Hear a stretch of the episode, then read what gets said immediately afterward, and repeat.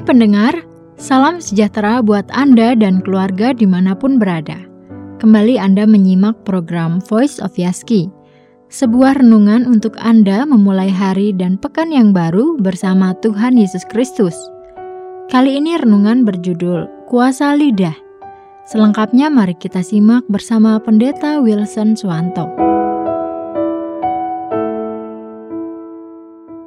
Saudara yang terkasih, kita akan bersama-sama membaca dari Yakobus 3 ayat 1 sampai 2. Saudara-saudaraku, janganlah banyak orang di antara kamu mau menjadi guru. Sebab kita tahu bahwa sebagai guru kita akan dihakimi menurut ukuran yang lebih berat. Sebab kita semua bersalah dalam banyak hal. Barang siapa tidak bersalah dalam perkataannya, ia adalah orang sempurna yang dapat juga mengendalikan seluruh tubuhnya. Ada satu peringatan yang Rasul Yakobus berikan di sini, yaitu jangan mudah orang mau menjadi guru. Pertanyaannya, apakah banyak orang mau menjadi guru dan mengapa orang-orang mau menjadi guru? Menjadi guru memang adalah sebuah panggilan, sebuah tugas pekerjaan yang sangat terhormat. Karena seorang guru bisa mengajar, kemudian mengarahkan, membentuk pemikiran dan hati bahkan karakter dari orang yang diajarnya. Dan orang yang bisa mengajar itu berarti orang yang memenuhi persyaratan atau kualifikasi.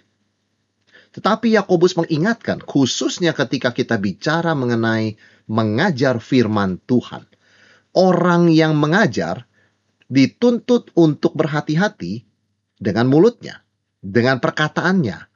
Karena ketika dia membuat kesalahan, efeknya itu kepada begitu banyak orang sangat besar. Karena yang diajar jumlahnya tidak sedikit. Nah bukan hanya itu. Ketika seorang guru berkata salah, kesalahan itu bisa terus ada dalam pikiran muridnya dalam jangka waktu yang panjang, bahkan seumur hidup apalagi mengajar firman Tuhan. Mulai dari guru sekolah minggu sampai pengkhotbah dan sebagainya. Satu posisi, satu panggilan yang sangat mulia, namun sebuah tanggung jawab yang besar. Di mana satu hari setiap orang yang mengajar firman Tuhan akan memberi pertanggungjawaban kepada Tuhan. Di mana Tuhan akan menilai dan menuntut setiap orang yang mengajar firman Tuhan, berbicara firman Tuhan itu berkata dengan benar, berkata dengan tepat sesuai dengan firman-Nya. Karena ketika kita menyimpang atau mengatakan sesuatu yang salah, efeknya itu jauh lebih panjang, jauh lebih dalam, jauh lebih besar dari yang kita perkirakan. Kita mungkin setelah kita bicara sesuatu yang salah, kita melupakan itu dan next time kemudian kita tidak akan mengatakannya lagi. Tapi bagi orang yang mendengarkan, mereka tidak mudah melupakan itu kita mudah melupakan apa yang kita katakan, tapi orang sulit melupakan apa yang dia dengarkan. Itu sebabnya firman Tuhan memang tidak melarang orang menjadi guru. Tapi justru firman Tuhan memperingatkan betapa istimewanya panggilan menjadi guru sehingga seorang yang terpanggil untuk membicarakan firman Tuhan, mengajar firman Tuhan, harus menghormati panggilan ini dengan serius belajar dan menjaga kata-katanya sehingga dia tidak mengucapkan perkataan yang salah. Bayangkan misalnya hal yang sangat simple, hal yang sangat sederhana. Seorang guru sekolah minggu menceritakan cerita sekolah minggu, namun dia membuat kesalahan. Mungkin karena dia kurang persiapan, kurang istirahat. Dia mengatakan misalnya yang uh, orang yang mau melihat Yesus dengan naik ke atas pohon itu namanya Lazarus. Padahal kita tahu namanya Zakius. Nah, ketika itu tidak dikoreksi, maka murid-murid yang masih kecil yang mendengar itu selalu berpikiran yang naik ke pohon itu Lazarus. Dan sampai eh, ada orang yang mengoreksi anak-anak tadi. Bahkan orang tua berkata, orang tuanya berkata, yang naik ke pohon itu Zakius bukan Lazarus. Anaknya bersikeras mengatakan tidak. Papa mama bukan guru sekolah minggu. Guru sekolah minggu tadi mengatakan yang naik ke pohon adalah Lazarus. Bayangkan, satu informasi yang keliru karena kelalaian bisa sangat sulit dibuang. Harus menggunakan ayat Alkitab, mungkin juga meminta bantuan guru sekolah minggu tersebut untuk mengoreksi secara pribadi kepada anaknya supaya anak itu akhirnya diyakinkan, oh tadi salah informasi. Sebetulnya seharusnya Zakius, bukan Lazarus. Nah itu sebabnya menjadi guru panggilannya sangat mulia, namun kita harus menghargai dan berhati-hati dengan panggilan ini sehingga kita belajar baik-baik mengucapkan perkataan yang pada tempatnya. Dan di ayat 2 Rasul Yakobus mengatakan, sebab kita semua bersalah dalam banyak hal. Barang siapa tidak bersalah dalam perkataannya, ia adalah orang sempurna yang dapat juga mengendalikan seluruh tubuhnya. Kita entah berapa banyak kata-kata kita ucapkan setiap hari dan kalau kita berbuat kesalahan, kemungkinan besar kesalahan tersebut ditemukan dalam perkataan. Nah, ketika seseorang bisa menjaga perkataannya sehingga dia tidak berkata salah atau mengucapkan perkataan yang tidak pada tempatnya, maka boleh dikatakan dia adalah orang yang sempurna. Kata sempurna di sini bukan berarti tidak berdosa, tidak bersalah, tetapi matang atau dewasa. Dan di sini Yakobus mengatakan adalah kelemahan setiap kita, termasuk dirinya itu kita sering berkata salah. Yakobus mengatakan sebab kita semua bersalah dalam banyak hal itu termasuk juga Rasul Yakobus. Ini adalah realita kehidupan kita sebagai orang Kristen, sebagai pelayan Tuhan bahwa karena banyaknya dan seringnya kita berkata-kata, kita sering kali tanpa sadar berbuat kesalahan dengan perkataan kita. Tetapi Tuhan memanggil kita untuk menjaga lidah kita, mengontrol lidah kita. Dan dikatakan kalau kita bisa mengontrol lidah kita, tentunya dengan kekuatan Tuhan, dan mengatakan hanya apa yang benar dan membangun, maka tentunya kita juga bisa mengontrol anggota-anggota tubuh kita. Kita bisa mengontrol apa yang kita lihat, apa yang kita dengar, apa yang kita lakukan, ke mana kita pergi, apa yang kita makan. Dan di ayat 3, Rasul Yakobus berbicara lebih dalam mengenai lidah. Dia mengatakan kita mengenakan kekang pada mulut kuda sehingga ia menuruti kehendak kita. Dengan jalan demikian kita dapat juga mengendalikan seluruh tubuhnya. Dan lihat saja kapal-kapal. Walaupun amat besar dan digerakkan oleh angin keras, namun dapat dikendalikan oleh kemudi yang amat kecil menurut kehendak juru mudi. Demikian juga lidah. Walaupun suatu anggota kecil dari tubuh, namun dapat memegahkan perkara-perkara yang besar. Lihatlah betapapun kecilnya api, ia dapat membakar hutan yang besar. Lidah pun adalah api. Ia merupakan suatu dunia kejahatan dan mengambil tempat di antara anggota-anggota tubuh kita sebagai sesuatu yang dapat menodai seluruh tubuh dan menyalakan roda kehidupan kita. Sedang ia sendiri dinyalakan oleh api neraka. Ada tiga contoh untuk menggambarkan betapa besarnya kuasa lidah. Yang pertama, kekang kuda. Kecil, tetapi bisa mengontrol seekor kuda, binatang yang sangat kuat. Boleh dikatakan binatang yang yang, yang punya tenaga besar. Sehingga mesin-mesin mobil pun sering kali diukur dengan kekuatan kuda, horsepower. Yang kedua, contoh kedua adalah setir dari kapal. Kapal yang besar dan digerakkan oleh angin yang keras pun bisa disetir menggunakan sebuah alat kemudi oleh seorang nakoda. Sehingga kapal yang besar itu meskipun melewati angin dan berbagai gelombang bisa sampai ke tempat tujuan dengan selamat dan aman. Dan juga api yang kecil yang bisa menghanguskan hutan yang besar. Kita melihat dari tiga gambaran ini, poinnya adalah lidah itu punya potensi yang besar untuk menghancurkan. Sama seperti api bisa membakar hutan, demikian pula kuda bisa tidak terkendali dengan kekuatannya yang besar. Demikian pula kapal bisa juga tidak karuan arahnya. Tetapi satu poin lagi jangan lupa. semua yang besar dan luar biasa ini tetap dapat dikontrol. Apalagi kita adalah orang percaya, kita punya Roh Kudus, tubuh kita adalah bait Roh Kudus. Sehingga termasuk lidah pun kita bisa mengontrol. Dan kita bisa menggunakan yang besar pengaruh dan kuasanya ini untuk kebaikan, memuliakan Tuhan dan membangun sesama kita. Dan sisi lain kita melihat kalau tidak ada penguasaan lidah, penguasaan diri, maka kita lihat betapa hebatnya daya rusak dari lidah ini. Demikian kita lihat lidah bisa merusak kepribadian orang. Orang bisa memiliki pikiran dan hidup yang tidak karuan karena lidahnya tidak karuan. Mengucapkan kata-kata yang tidak pantas, mengucapkan kata-kata yang destruktif dan tidak pada tempatnya. Dan lidah yang kedua juga bisa membawa hidup seseorang kepada kehancuran. Bayangkan ketika dia mengucapkan perkataan yang salah, fitnah, tuduhan, gosip, terus-menerus. Bayangkan apa yang akan terjadi dengan kehidupannya.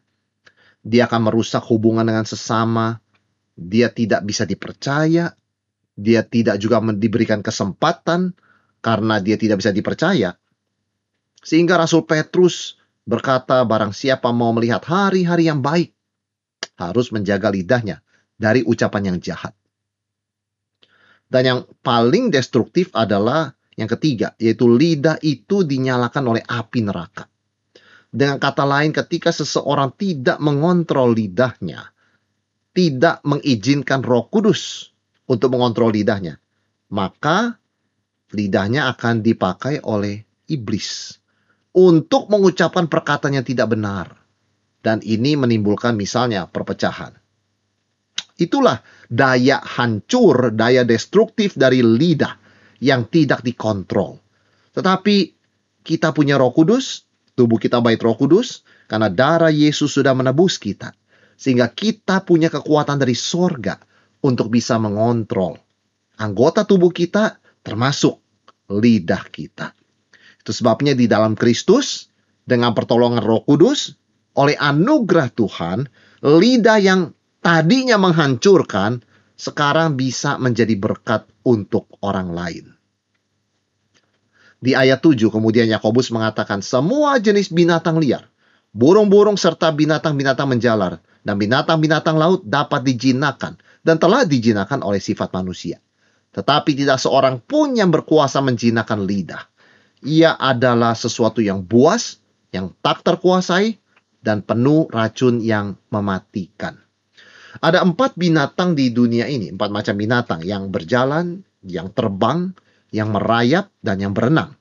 Ini pembagian binatang yang sama dengan kejadian 9 ayat 2. Pada umumnya, binatang liar bisa dijinakan. Misalnya gajah, ular. Kita sudah pernah melihat binatang-binatang liar yang menakutkan ini bisa dijinakan. Tetapi sangat sulit buat kita sebagai manusia menjinakkan atau mengontrol lidah kita sendiri. Sama seperti ular, sedikit pun tidak boleh dibiarkan berkeliaran. Sehingga beracun lidah itu bisa beracun. Penuh racunnya mematikan firman Tuhan katakan. Kita melihat zaman sekarang ada begitu banyak hoax. Penyebaran informasi yang salah yang dimaksudkan untuk menyesatkan. Ini adalah contoh penggunaan lidah yang salah. Dan ini ini adalah memang realita kehidupan. Dosa yang paling umum kita lihat pada zaman sekarang adalah dosa dengan lidah. Di ayat 9 Rasul Yakobus menulis, dengan lidah kita memuji Tuhan, Bapa kita, dan dengan lidah kita mengutuk manusia yang diciptakan menurut rupa Allah. Dari mulut yang satu keluar berkat dan kutuk. Hal ini, saudara-saudaraku, tidak boleh terjadi demikian. Jadi ayat 9 tadi menggambarkan penggunaan lidah baik yang positif maupun negatif. Yang positif memuji Tuhan. Itu penggunaan lidah yang paling baik, yang mulia. Negatif menggunakan lidah untuk mengutuk manusia. Artinya kita abuse, kita menyiksa orang dengan kata-kata. mengucapkan kata-kata yang kasar, yang kotor, sumpah serapa. Dan seharusnya hal ini tidak boleh terjadi dalam hidup seorang Kristen. Ini sebuah kontradiksi. Dari mulut yang sudah disucikan oleh darah Kristus, bagaimana mungkin keluar kata-kata berkat sekaligus kata-kata kutuk? Bagaimana mungkin memuji Tuhan sekaligus mengutuk manusia? Artinya seorang yang sudah ditebus oleh Kristus harus konsisten antara pikiran, lidah, dan perbuatannya. Sehingga Yakobus terus bertanya di ayat 11, adakah sumber memancarkan air tawar dan air pahit dari mata air yang sama? Saudara-saudaraku, adakah pohon ara dapat menghasilkan buah zaitun dan adakah pokok anggur dapat menghasilkan buah ara? Demikian juga mata air asin tidak dapat mengeluarkan air tawar. Alam itu konsisten. Satu mata air hanya satu macam air. Kita tidak akan menemukan misalnya di lautan air tawar ya. Kita pun tidak akan menemukan di tempat air tawar air laut. Di utara laut mati ada mata air segar. Di sekitar laut mati misalnya hanya ada mata air asin. Jadi tidak pernah tercampur keduanya. Ilustrasi ini cukup untuk memberitahukan kepada kita mulut seorang Kristen, lidah seorang Kristen seharusnya hanya mengeluarkan pujian, kata-kata yang membangun, kata-kata yang benar, sesuai dengan fakta. Demikian pula dengan tanaman. Tanaman jeruk mengeluarkan buah jeruk. Tanaman apel, pohon apel menggunakan mengeluarkan buah apel. Tidak mungkin pohon apel mengeluarkan buah jeruk atau pohon jeruk mengeluarkan buah apel alam itu konsisten. Di mana disebut ada mata air tawar, ya di situ air tawar. Untuk mencari mata air asin ya cari tempat lain. Demikian pula antara pohon dan buah juga konsisten. Sebagai orang yang sudah dilahirkan kembali, dilahir barukan oleh Roh Kudus, kita dipanggil untuk konsisten. Karena kita sudah ditebus oleh darah Kristus. Kita mengenal apa itu kebenaran maka apa yang kita ketahui sebagai kebenaran itu yang kita katakan dan itu yang kita lakukan. Kata-kata bisa memicu kerusuhan dan kemarahan. Dan kita tahu kata-kata itu besar kuasanya untuk mendorong orang melakukan yang baik atau bahkan yang buruk. Itu sebabnya cara kita mempersembahkan hidup kepada Tuhan adalah dengan mempersembahkan mulut kita ini untuk dipakai oleh Tuhan supaya dari mulut kita ini, dari lidah kita ini, keluar kata-kata yang memuliakan Tuhan, memberitakan Injil, menjadi berkat buat sesama, membangun sesama, mengoreksi dengan kasih, dan menguatkan mereka yang lemah, membangkitkan semangat mereka yang patah.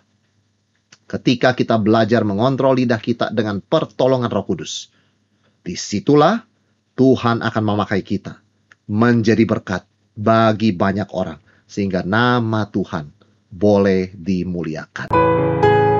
Demikian Voice of Yaski bersama Pendeta Wilson Swanto berjudul Kuasa Lidah.